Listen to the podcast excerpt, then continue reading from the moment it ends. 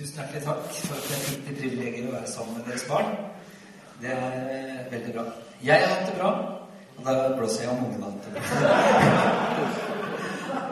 Nei da. Altså, unger er herlige. De kan være krevende, men unger er enten vi vil eller ikke en velsignelse. Eh, det var en som satte meg en gang at eh, han sammenligna barn med en perle.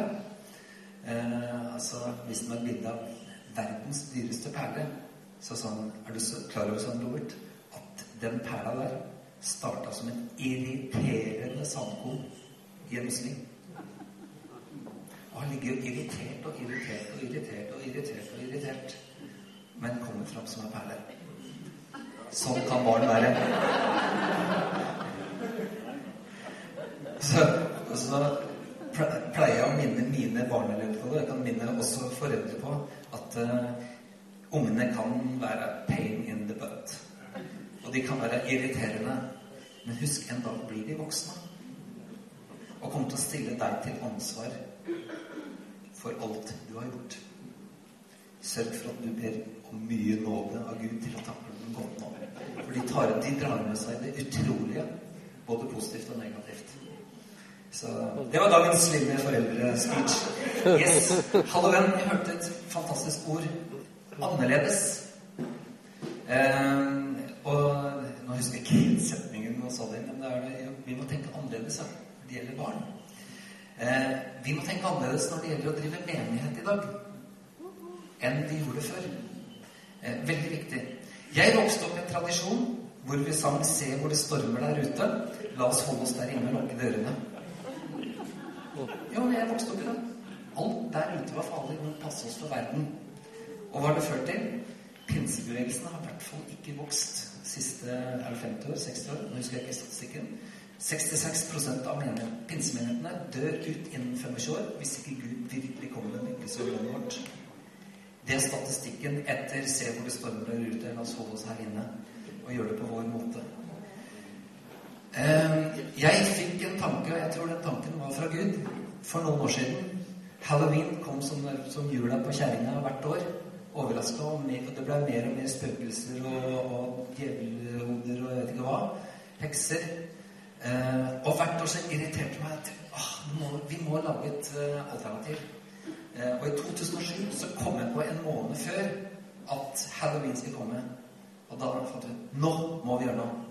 Eh, og så samla jeg sammen noen av mine ledere og spurte skal vi være med oss og lage et alternativ. Yes! Hva skal vi kalle det? Og så etter noen samtaler og bønder og liksom forskjellig, så kom det ordet 'hallo, venn ned. Og når det ordet datt ned, så åpna seg en hel verden for meg av muligheter. Nå har vi som kristne mulighet til å spille oss inn på banen i samfunnet igjen. For vi hadde spilt oss ut av banen ved at alt var så farlig der ute. Nå kan vi ha en mulighet til å spille oss inn på banen. Vi har en mulighet. I hvert fall på Hamar så er det sånn. Jeg vet ikke åssen det er her. Dere kjenner Tønsberg bedre enn meg. Men der er det i hvert fall sånn at skal vi komme i kontakt med mennesker De aller fleste som bor i vår by, tror de vet hva pinsevenner og kristne er, og spesielt pinsevenner. Og det er folk som man holder seg unna. Og på hvilken måte skal vi få kontakt med dem? Jo, vi har kjørt vekkelsesmøter i alle år. Vi håper på at det er noen som skal dumpe innom, og så skal sitte på et møte i rundt to timer, og så skal de så forteller vi dem hvor dårlig liv de lever, og at de trenger Jesus, og så forventer vi at de skal komme og bli frelst på slutten av møtet. Det funker jo ikke i dag lenger. Vi er nødt for, i hvert fall på Hamar, å kunne komme under folk og vise at vi er vennlige.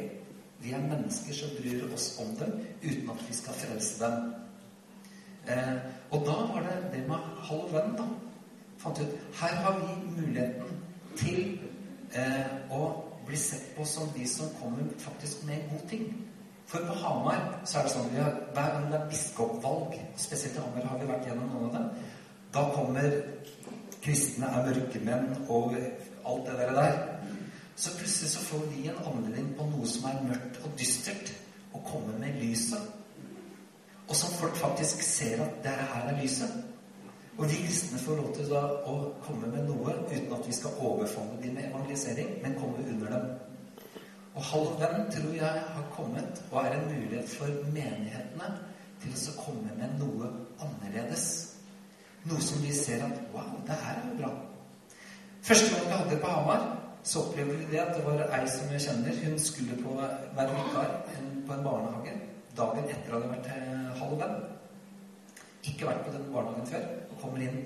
Og der er det en av de ansatte som kommer inn. 'Vet dere hva jeg var på i går, eller?' Så begynner han å fortelle om Halloween. Hvor fantastisk det var. Og så avslutter han med Og så var det til og med de kristne som arrangerte det. Det var liksom akkurat som Det gikk jo ikke an. Men da, da brøt vi en del murer på hva de kristne egentlig er. Ved helt enkelt å arrangere noe som er gøy. Eh, fikk også en tanke til at halloween skal være en relasjonsskaper. Og det er også en mulighet for menigheter å samarbeide om noe som du slipper å diskutere teologi. Men vi kan gjøre noe sammen for byen vår.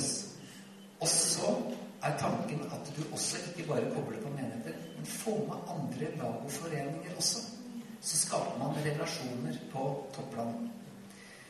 Den, det stedet som har kommet lengst i halloween-tankegangen, det er Bø i Telemark.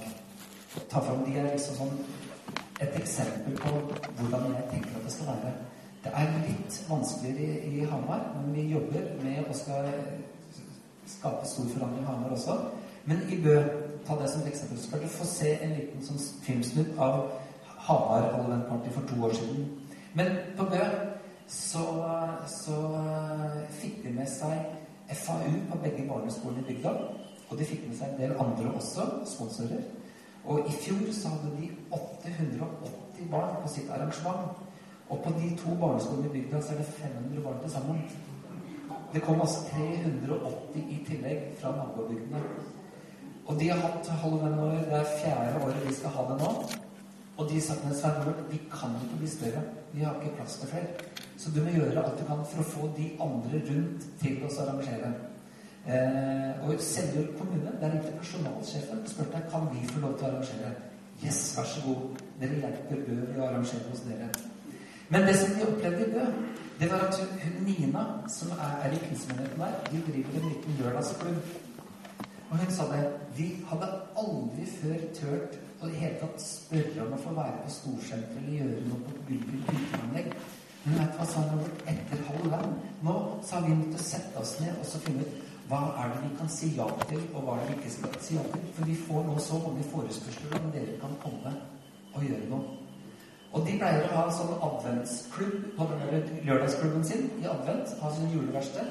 Nå fikk de forespørsel fra skolesenteret. Kan dere komme og ha det hos oss?